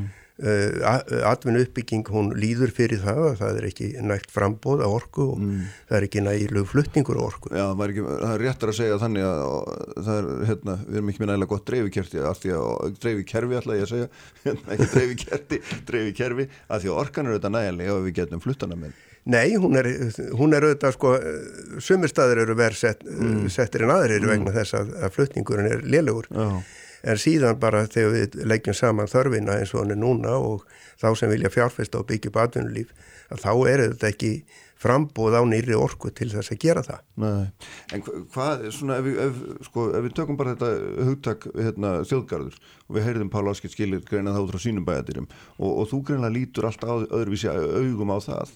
Er það ekki rétt skilja mér? Þú, þú ég held að, að ég líti nákvæmlega sömu augum á, á, á það að Já. þegar er búið að gera þjóðgarð þá mm. gera meginn ekkit innan hans Já. annað en að venda náttúruna og síðan mm. að leggja göngu stíga og allt þetta sem að þeir gera og bæta þá Já aðgengi og það fyrir mér kannski svolítið vanda í þessa umræðu að, að þeir þjóðgarða sem ég hef komið í mm. að þar er töluverð uppbygging og mannvirki innan þjóðgarsins einmitt til þess að skapa aðgengi fyrir fólk. Það er ekki þannig að mm. þetta verði ósnert náttúra, heldur, heldur hún er bara rekin sem með öðrum hætti og þar verða menna velja og hafna hvar þeir setja vegi og samgöngu mm, mm -hmm. æðar og annað þannig að það er ekki þannig það er ekki þannig um, um mörkin eða hvað eða, eða Nei, sko, mörgin er eh, alls ekki þann, já, sko, þetta er ekki að þetta sé ósnert svæði, Nei. heldur er þessar hugmyndir sem settar fram, þær eru næstum því einvarðungu settar fram til þess að komi veg fyrir orkuflutning og orkuframleðslu, eða sem sagt raforkuframleðslu mm -hmm. og það tel ég bara ákvæmlega ránt vegna þess að, að ég tel að í mörgum tilfellum að þá geti raforkuframleðsla ágætlega eh, farið fram á þess að að þarna sé semst, verða að ganga á möguleika til þess að njóta náttúru mm. og þetta þurfum við að skoða og síðan þurfum við að gera sér grein fyrir vegna þess að menn er mikið að tala um að þjóðgarða sé að skapa nýja atvinnu og nýja atvinnutækifæri og það gera þær að vissum marki. Ég er hins vegar ekki, alls ekki búin að skilja þessa starffræði sem líkur á baki því hvað sem ekki hagnaður á þjóðgörðum, það, mm. það er eitthvað eitthvað mjög óskiljanlegt dæmi en ok, segjum að, að, að það sé mm. en þá þurfa menn bara að bera það sama við þá atvinnu uppbyggingu og, og, og hagvæstar möguleika til framtíðar sem við erum að fórna mm. og það erum við ekkert búin að gera það er bara einfallega þannig að 100 megavatta virkun að hún er að, er að, sagt, að skapa okkur og útvinnisteikur kannski upp á 20 miljardar króna á ári og ef við erum að fórna slíkum möguleika mm. þá verðum við bara að skoða hvað fáum við í staðin Já, en erum við að því með þessum, þessum hérna, tilugum og mörgum sem þessi nefntögulega skilur frá þessi núna, erum við þá að fórna þessum möguleikum í stórum stíla þínu mati? Nei, þarna er ég líka alveg sammála Páli að, mm. að þessi mörg, þau hafa verið bara þetta eru þæginda mörg það er að segja, það dreygið upp sagt, mörg utan um það sem að sagt, Íslenska ríki ræður yfir, Já. alveg án tillit til náttúruvendarhagsmuna þannig að, að við erum að taka þarna mikið landsvæð og svæði undir sem eru þarna einfallega vegna þess að ráðunni að, að, að ríkisvaldi þarf ekki að höfða málaregstur til að koma sínum í gegn. Mm -hmm. Þannig að við erum að skilja eftir önnur svæði sem ættu betur heima innan þjóðgars en viljum ekki... Við erum, við erum ekkert að greina þetta með réttum hætti, korki frá náttúruvendarsjónamiði, frá atvinnusjónamiði eða, eða slíkt. En þú ert þá ekki að gefa þessari nefnd sérstaklega á einhvern? Já, nefndinu kannski bara vinna eftir þeim fyrirmælum sem hún hefur mm. og það sem að, það sem að eh, sem sagt, ég sé bara gerast núna, það er að, að menn eru svona eh, án þess að greina þetta og það er bara fullkomlega sammóla þeim sjónamiðum sem að landvend hefur sett fram, mm. að greiningin hefur ekki verið gerð bæði hvað á að vera utan og hvað á að vera innan þessa og síðan uh, koma önnur, er þetta gríðarlega mikið landsvæði sem við erum að taka undir, það eru gríðarlega margir orkukostir og, mm. og kostir til þess að flytja raforku með hafkvæmum hætti sem þarna eru útilokaður og það er ekki heldur greint hvaða efnarslegu afleðingar þetta hefur bæði til lengur og skemmri tíma og mm. fyrir uppbyggingu okkar samfélags. Ég meina við förum ekki svona stóra hluti á þess að hafa þetta borðinu og ef við erum að tala um sjálfbærni þá eru það grunnstóðir sjálfbærninar. Það er að við séum að greina bæði umhverfisvætti en við séum að greina líka áhrif á samfélag og, mm. og, og, og, og hagkerfið. Þannig að hérna, nú er þessi, þessi hugmyndum, þessi mörk komin í þessa svo kallu samráðskáta sem allir geta held í meira að minna skilaðin einhverjum aðdúasendum eða tillögum eða hvað svo sem það nú heitir. Uh, þú ert að segja mér það að þínum að þá er þetta þá er þetta eiginlega bara geti ekki orðið nota orðið hrákasmíða því þetta er, þetta er ógreint hérna, og, og svona eh, tillögur sem að hérna, standast enga veginn þegar menn fara að leggjast yfir þér? Já, já, það, það er þetta, sko, for, forvinnan hefur bara ekki verið unnin Nei. og það er ekki búið að samræma þetta við til dæmis rammaállun og, og það sem að þarna rammaállun hefur lagt mm. til virkjanakosti innan þessa svæðis. Þannig að, að, að sagt, áallanir, e, hinnar ofinbyrju áallanir er þarna bara takast á og, og fullkona ósamræmdar. Já, og svo er náttúrulega eitthvað sem heitir orku spár orgu spá fyrir, ég ætla að fara að segja orgu spá áallunum, það er líklega kannski aðeins svo mikið í lat, en orgu spá er til til 2050 er það ekki? Jú, jú, við erum... Og er hún þá hvar í þessu samingi? Já, hún er, ég hef ekki séð þannig að geti sérstaklega Nei. í þessu samingi og orgu stefna líkur ekki heldur fyrir, það er að samræma við hana, já. hvað þurfum við miklu orgu til framtíðar, mm. hvernig viljum við, vegna þess að sko við þurfum að aðtóða það að organ og, og orgu tengdur innar það er eina svona þekta hagvastarstærðin sem við höfum og ef við erum bara að henda henni fyrir borð mm. og, og með, til að fá einhvern úrskilgjörnindan ávinning af þjóðgörðum að, til framtíðar og sérstaklega sko að því að við erum að þá að byggja upp uh, starfsum eins og ferðamenni innan sem er mjög svona má segja flögtandi mm. Uh, getur þetta breyst með tískum og ströymum að, að þá erum við kannski að koma aftur í gamla samfélagi þar sem við vorum gjörsanlega háðir fiskveðum Já En þannig að hérna, hvað svona þínu mati þyrti þá að, hvað er það þínu mati sem þarf að gera núna til þess að, að, að vinna þetta einhverju skynsemi? Já það þarf auðvitað að, að ganga að sagt, vinna þessar sko rammáallinir og greina þessa virkjunakosti og sagt, umhverfis áhrif þeirra og raða þeim og þá er ekkit víst að þeir sem séu á hálendinu séu sagt, eh, með meiri áhrif heldur en þeir sem eru eh, sagt, eitthvað starf lengra mm. nær sjáarmáli þannig að, að þetta þarf að gera ef að menn vilja sagt, eh, greina náttúruverðmæti og, og spara náttúruverðmæti þá, þá megin að menn ekki gera svona miklar einfaldanir mm. Mm. Þannig að hérna þannig að það kæmi til greina þínum huga, í þínum huga þegar það væri búið að greina þetta og það veri kostur inn á miðhálendinu að þeir eru nýttir og væri þá innan einhvers konar þjóðgarsmarka eða hvað uh, til í apsu þá sem að væri þá utan Sko ég held að eh, svona eins og mennar að tala um þjóðgarð og svona mm. að þessi þjóðgarður er fyrst og fremst settur upp til þess að hamla því að sé að byggja virkjanir á þessu svæði og það kom mjög, mjög greinilega fram í máli Páls líka mm. þannig að, að þeir vilja einfallega draga þjóðgarðin utanum þau virkjanarsvæði sem þegar eru á hálendinu uh. til þess að, að, að gefa ekki færi á því að það séu virkjanir innan þjóðgarðs og þá sjáum við raun að veru sko, að, að þessi málatilbúinu er núna og þessi, þessi svona þessi flíti afgreifsla sem er, er, er í raun og veru bara til þess að að nota þetta lag mm. einhvern veginn til mm. þess að takmarka framtíðar virkjanir og orkuflutningi fyrir Hálandi Þetta er fróðlegt og hérna, hvað hva svona setjum nú svo að mörkinu verði það sem það eru núna. Setjum nú bara svo að, hérna, og, og, hérna, og þá, þá veit ég að þú myndir halda því fram að hérna, möguleikur okkar hefur verið skertir það, það er augljóst mál. En myndir þetta hafa einhver áhrif á svona um, kostnað eh, verðlegning og orku flutning á orku hvernig, hvað svona Já, þetta augljóslega kemur í veg fyrir að við getum valið hagkvæmustu lausnir á bæði orku, rávorkuframlegslu og, og flut. Já, það er augljóst. Já. Þannig að, að til dæmis, sko, ef við verðum ekki búin að sneiða svona aðra virkjanir, þá er ekkit víst til dæmis að kvalárvirkjun væri yfirleitt til umræðu núna vegna þess að kvalárvirkjun var ekkit meðal hagkvæmustu virkjun að kosta. Nei. Hún var bara meðal þeirra fáu sem að ramma állum tvö leiði. Mm -hmm. Þannig að ef, að ef að það hefði verið stærra úrvala virkjanakostum þá er hún kannski ekki til umræði í dag mm -hmm. og, og nú er sem verið að ráðast í, í, í ekki, ekki sérstaklega hagkvæman virkjanakosta þannig að einfallega vegna þess að það búið að loka öllum öðrum leiðum og, og samfélagi kallar á meiri raforku mm -hmm. og það, það er sama gildin um flutningin að ef við getum ekki valið hagkvæmar leiðir fyrir flutning á milli landsluta sem við verðum að styrkja mm. til að styrkja rávorkukerf okkar. Þá erum við að tala um línu yfir, yfir hálendið? Til dæmis ekki? yfir hálendið eða mm. hluta hálendið sem við erum ja, þegar með. Þú veist að við fáum það aldrei, eða það verður aldrei, þú farið það aldrei í gegn, það er betra að segja. Ég bara gef mér ekkert í þeim efnum, ég meina þetta lítur að byggja á allhiða greiningu vegna þess að á lálendi þá eru við líka forna náttúrverðmættum fyrir línur. Ég meina það er, það er það hafa verið línur sem að, sagt, hafa verið lagða nú þegar sem eru mjög aggrindar mm. og sem eru, eru sem sagt, eh, á, eh, nær sjáarmáli og, og það, er, það er bara eitthvað sem verður að greina og auðvitað kemur koma náttúruverðmætt og annað inn í það líka en, en þá þurfum við að að jafnframt að skoða efnarslegar mm. og samfélagslegar afleðingar mm -hmm.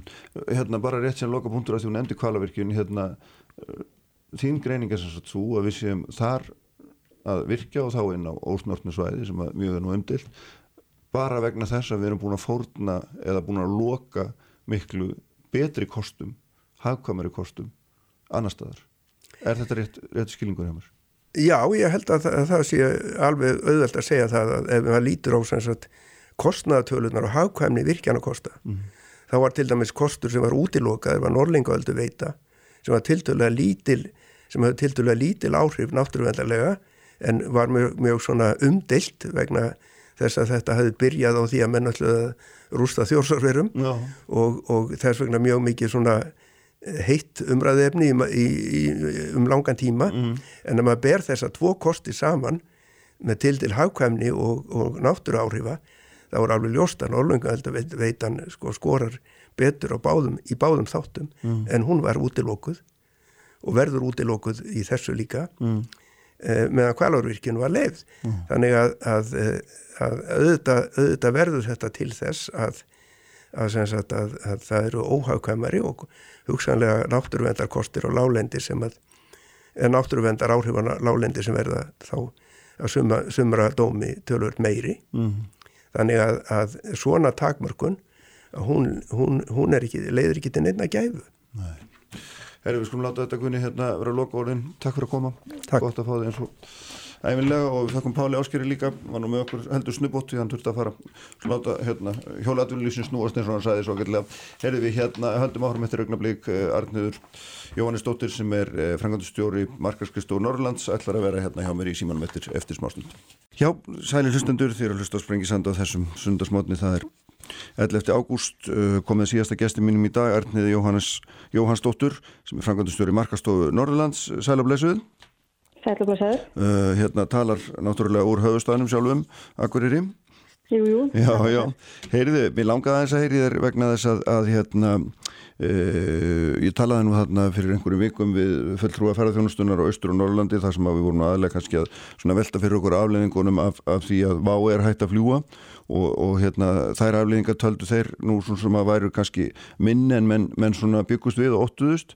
En síðan er þetta kom, komið nýtíðindi síðan það var tekið og það er þetta hérna gjaldrótt þessar ferðarskristofu Superbreak sem hefur skipilagt ferðir uh, það sem flóið er, er til Akureyrar og, og svo eins og þetta svona samdráttur greinlegur í, í hérna innanlandsflugi. Og mér langaði eins að heyra svona heyri í þér uh, hérna Arniður um, um þetta hvaða þarna bætast eila tvent við og ná váer sem að svona eh, hvort getur nú talist góð tíðindi? Já, það, það passar. Þetta er, þetta er ekki góð tíðindi fyrir okkur og, og hefur mikil áhrif á ferðarþamstuna og það má að segja flúöldurinn er okkar lífvæði yfir veturinn. Það er samgöngumáttin sem að virkar best af því að það eru jú ekkit allir sem treysta sér til þess að keira yfir heiðar yfir hávetur eða treysta að þeir komist. Þannig að við höfum svolítið byggt okkar þróun á því að það náist að vera með beintmillan flugum akkuraflugul og og Superbreak er búið að vera að fljúa til okkar tvö tímabill og átti að fara að staði sér þriðja núna í eh, februar og mars eh, 2020 og það er þetta bara mikið áfalla að þau flug detti núna upp fyrir. Eh, þetta er rauninni, þetta gjaldtrótt Superbreak kemur þessu flugi í sjálf og sér ekkert við. Þetta, við erum bara óheppin þarna. Það er móðu félag Superbreak sem að fyrir þrótt og okkar við eru þá auðvitað að reyna að ná þessum farþögum inn með öðrum hætti og reyna mm. að finna aðra ferðarskjöfstur sem geti komið inn í þetta. Þannig að svona bara við svona við hérna, höfum þetta alltaf reynir Superbreak er, er sem sagt hérna ferðarskjöfstofa er það ekki rétt skrílið og hún er sem sagt að markasetja og selja uh, flugferði til Akureyrar frá, frá hérna, hvaðan frá? Þeir eru að vinna með 11 áfokastafi að lámarki í Breitlandi mm. en þetta er í rauninni verið að fljúa frá minni fljóðalli til hérna, minni fljóðallar. Það er að segja Akureyri sem svona sekundari airport eða, eða annar fljóðallir, annar milliranduvallir á Íslandi Já. og er tengdur þá við eh, aðra svipaða fljóðalli vitt og breytt um Breitland. Já, já, þannig að farþjarnir eru að koma, koma við að. Já, og það þetta þýðir að líka að það er ekki einfalt, það var ekki að fá til dæmis ísýttja til þess að koma inn í þetta, það þýðir ekki að setja bara flug London-Akureyri. Þetta er áfokastæðir vitt og breytt og það eru þá farþegar sem að væru annars ekkert að koma til Ísland sem er að nýta sér þetta súpabreg flug já, já. er mikið af svona eldra fólki mm -hmm. og hérna fólk sem er að nýta sér það geta kert beintin og sinn flugvöld á þess að fara í mikið ferðalöðunan Breitlands mm og, og lendir síðan hérna á Akureyri og, og getur gert það sama, beint inn í náttúrulega perlina. Hvað, þú sagðir án þetta hefði, sagt, ef þetta hefði haldið áfram að vera í þriðja, þriðja árið eða þriðja tímabilið, eh, hver, hversu mikil umsvið við raun og veru hérna, er þetta, hvað er þetta margir farþegar, hvað er þetta tíðflug og, og hversu mikil umsvið svona er þetta þínum að því og ykkar? Þetta er töluvert fyrir okkur á þessum ástíma og, og þetta eru það mikil umsög að þau eru greinileg uh, hér á svæðinu, það er bara sínileg fyrir almenning. Þetta eru töflögu vikur, mánudag og första, uh, það voru 14 flug áalluð núna í þessari seríu og þetta eru um 2500 sæti sem er til sölu og þeir hafa verið að ná mjög góður í nýtingu, við gerðum það fyrir 90% nýtingu þannig að þarna er að tapast kannski 9.000 gistinætur á þessum tíma mm. og 9.000 gistinætur í februar og mars á þessu svæði hérna er alveg gríðilega stór hluti af því sem að þeim ferðamannum sem er að koma og, og við hefum svona gert ráð fyrir að veldu aukning ferðarþjónustu fyrirtækja út af Superbreak flýinu hefur verið 15-20% á þessum tíma. Já, á þessum tíma, já. Já. já. Þannig að þetta er, þetta er, hérna, þetta er drúu biti að kingja. Þetta er það, en hins vegar þá má líka horfa á það þannig að það er ekki allt tapað, það er auðvitað búið að fjárfesta í markasetningu á Norðurlandi sem skila sér til annara. Mm. Það er búið að fjárfesta mikið í þróun og þjónlustinni með alfæra þjónustu fyrirtækina, þau þróun þegar geta ráðið inn starfsmenn, uh, haldið inn í, í, í heilsálsvinnu sem því eru auðvitað bara meiri gæði uh, á þjónustinni og, og meiri nýjungar þannig að þetta hefur verið mikil reyn, reynsla líka og mikil lærdomur þannig að svæðið er mjög tilbúið núna fyrir önnurflug og það er auðvitað það sem er að hitla þá aðeins sem við erum að tala við núna aðra breska ferðarskustofur að við vita að svæðið er tilbúið. Mm. og síðan er þetta líka þannig að nú er aflugsbúnaðurinn á Akuraflugulli hann verið tekinn í nótkunni oktober og það skiptir mjög miklu máli varandi markasetninguna að geta sagt frá því að það séu komin örugari lendingarskilir betri minni áhætta á, á vesinni. Sko þegar þú hérna að svo ég skilji rétt þýr að leita þá að annari ferðarskristu eða öðrum ferðarskristu sem geta í raunum verið farið á sama marka og haldið áfram þeirri vinnu sem, að, sem hefur verið í gangi. Er, er það ekki rétt á skiljihamri eða hvað? Jú, jú og þá er rauninni annars vegar til þess að taka við þessum farþegum núna ef við fáum leiði til þess mm. sem er óljóst. Mm. og hins vegar bara til þess að byggja upp fyrir næsta ár. Af því að þetta er mótir sem hefur virkað mjög vel. Og hérna verið alveg príðilega vel tekið á eftirsótt. Og, og, og þeir eru þegar komin í viðræður við, við einhverja, einhverja aðila í hérna hvað í Breitlandi þá eða, eða hvað? Já, já, í Breitlandi sem eru þá að skoða með þróttabúinu hvort að þetta er möguleiki á þess að kostnæðar fara upp úr öllu valdi. Mm. og, og hvort þetta er heimilt. Það, það er nýtt svona staði staðan sem er núna. Já. og myndi að segja hvort það er þessu verður en það, en það er allavega áhugð og við bara verðum að vona það besta. Það er þannig sem er hægt að gera. Það, Nei, það því lítið að leggja árar í bát og hérna. Um, en, en, en, en hérna þannig að, að, að, að svona má, má kannski segja að því séu það fullu að svona reyna að finna aðra leiðir til þess að koma er það ekki þá sama fólkinu og kannski fleirum. Jú, akkurat. Af því, því að við getum heldur ekki hóft á það að þetta flug sé búið og þá sé bara allt flug frá Breitlandi búið hjá okkur. Við viljum þetta finna aðra til þess að koma inn. Og Súbabögg hafði alltaf á stefnuskur á sinni að fara að fljúa yfir sumari líka. Mm. það er svolítið það sem við viljum og, og langtíma markmiðir auðvitað ná inn millinanduflugum akkur á flugvöld en það er eins og er alveg ljóst í, í nýri eða draugum að grænbókum flugstefnu sem er núna til umsagnara það er ekki vilji fyrir því samkvæmt henni að byggja upp millinandaflugum akroflugul og ég held að þessi stóra baráttan okkar núna að breyta þeirri hugsun og koma skilningja á því hvað þetta skiptir miklu máli fyrir hafgjörðu okkar mm. á Íslandi öllu, ekki bara hér fyrir norðan að, að þetta virki. En hvað, hvað er það sem vantar upp á því nú er búið hérna, að fyrir ekki fram með neinum að búið að gera greiðalega umbættur á flugbröytinni sjálfur, er það fyrst og næst stækkum flugstöðvarina sem, sem að stendur í veginu með eitthvað? Já, það er stækkun flugstöðarna núna sem stendur í veginum. Hún í rauninni strax og við sjáum núna bæði Fói Travel, hólandska ferðarskjöfstof sem er að fljúa til Akureyri og verður um þetta að fljúa í februar og mars og síðan Superbreak og þegar við sjáum síðan er það konætt Mílansflug kom alla sama tíma í flugstöðuna þá er hún löngu sprungin. Mm. Eh, þetta er hins vegar hægt eh, og hefur gengið upp bara með góðum vilja á þjónustöluðin. En síðan er þetta líka að, að marka setja völlin og skilgrena hann sem millilandafljóður sem, sem að stjórnum vilja þá ná millilandafljóða og það er rauninni ekki samræm í stefni stjórnvalda sem að það sem að kemur skýrt fram að það eigi opna nýja gáttir í landi mm -hmm. og síðan þessari fljókstefni sem er að koma út núna. Það er ávegjörni fyrir okkur ef á að, að hætta allir uppbyggingu á akkuraflugulli. Af því það er líka, það eru rættir sem skilja sér út í heim og það skiptir okkur máli að flugfélagin stóru úti sem við, við viljum þetta ná í þau heyri til skilabóð frá Íslandi að það séu til fleiri áfangastæðis og það séu eitthvað spennandi. Mm. Eftirspurnin til staðar og jákvæmni til staðar út í heimi, það, það hérna, vandar ekkert upp á það. E, þú ert að segja mér með öðrum orðum að ríki þessi hérna, að hægri höndin veit ekki hvað svo vinstri görir ef maður hérna greipa til þess. Þa, það lítur þannig út, sko, ekki nema að það hafi sleisast í gegn í sumarfjögi að það er gert ekki, en, en, en hérna, það lítur þannig út ef maður lesa þessi stefnu að, að það sé ekki verið að fylgja stefnu ríkistjórnarnar í henni. Hver, hver, hver setur þessa stefnu sem ekki fylgir stefnu ríkistjórnarnar?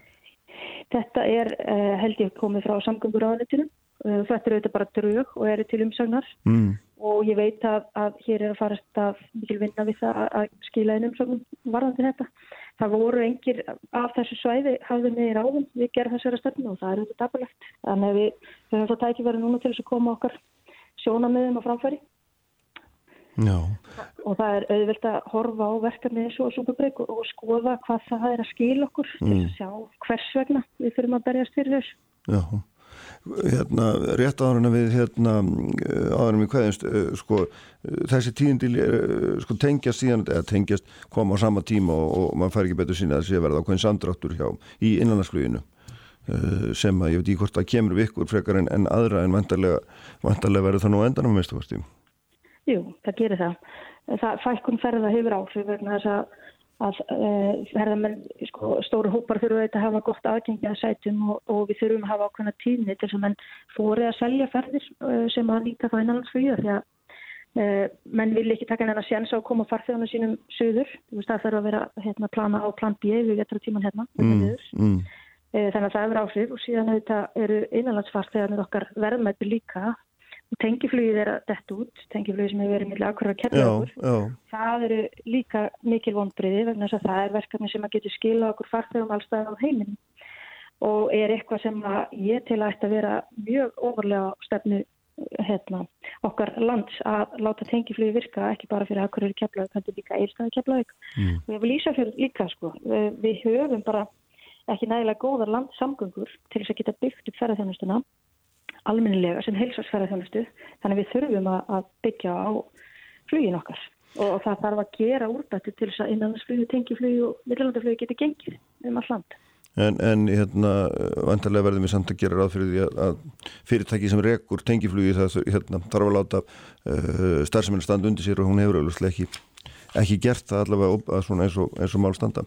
Já, það, það þarf að gera ráð fyrir því og það er ákveðin hljökrað kannski sem valda því að kostnæðurinn er hár fyrir það fyrirtæki sem að er að rekka tengiflýði þannig að það er kannski ekki sangert að allir svo kostnar lendi á því fyrirtæki. Og það er bara að senda einmi kostnar við að opna akkur flugullan óttu til til þess að hérna, tólla ágreða farþegana. Mm. síðan það hefur verið nökrað á aðstöðin í kjappa hvernig það tekja á móti farþegum þar. Og svo hitt og þetta sem hefur gert þetta erfitt og þarf kannski bara að skoða og laga áður en næsta fyrirtæki fyrir stað. Þannig að ég vonu að það verði og það Já, þetta er alltaf það sem hún nefnir hljóma nú ekki eins og, hérna, eins og stórkostlegar hindranir. Nei, þetta er ekki stórkostlegar hindranir og óskiljanlegt að það sé ekki búið að leysa þess. Mm. Við hefum í rauninni hefum verið að benda á þessar hindranir síðan að tengja flögi byrjaði en það, er, það vantar hann að vilja til þess að leysa málinn. Þannig Arniður að þú ert, þú ert í grunni núna að tala bara um það sama aftur og varst að tala um áður í vittalinu þar að segja þannig að vilja sem þú ert að lýsa eftir og segja segir vantar til þess að reyka þessar samgöngu með þeim hætti sem að bestur á kosið. Já, Ég held að við höfum alveg einstaklega aðeila sem að, vilja styðja verkefnið og, en við höfum hins vegar allt og, allt og sterka anstöðu sem að best gegn uppbyggingu á aðgröðuflugulli, hvort sem að er millilanda einanlandsflug eða tengiflug. Þessu þarf að breyta og við þurfum að fylgja eftir þeirri stefnu sem er búið að setja fram um að það eigi að opna nýja gáttir. Uh, Hva, hvaðan kemur þessi andstaða sem þú ætti að nefna? Uh, erfitt að segja. Uh, andstaðan kemur víða af. Uh, hún kemur frá fyrirtækjum, uh, hún kemur frá auðvitað samkefnisaðalum, mann líta það sem samkefni við sig að akkur og flugvöldur uh, takir við nýjum farþegum. Og það, það er bara við að því. Er svo sem nefningin sérstökn nöfn hér. En það er, það er rauninni hægt að skoða alls konar umfylgur umflug til að sjá það hvað hans og anstæða kemur. Mm. Ég held hérna Við skulum láta þessu loki í dag, hérna, það var gott að heyri þér og hérna vonandi gengur ykkur vel með að finna finna ykkur hérna samstagsæðili í Breitlandi til þess að tryggja, tryggja áframhaldandi flug, flug þaðan. Takk. Takk fyrir að vera með okkur og hérna þá verðum við með þessum orðum að láta sprengisamdunum lokið í dag á þessum sundegi. Uh, Ívar Jóhann Haldursson stýrði útsendinguna venju allt efna á vísi.is og bilgjam.is sjálfur verði með ykkur hérna aftur eftir viku. Verið sæl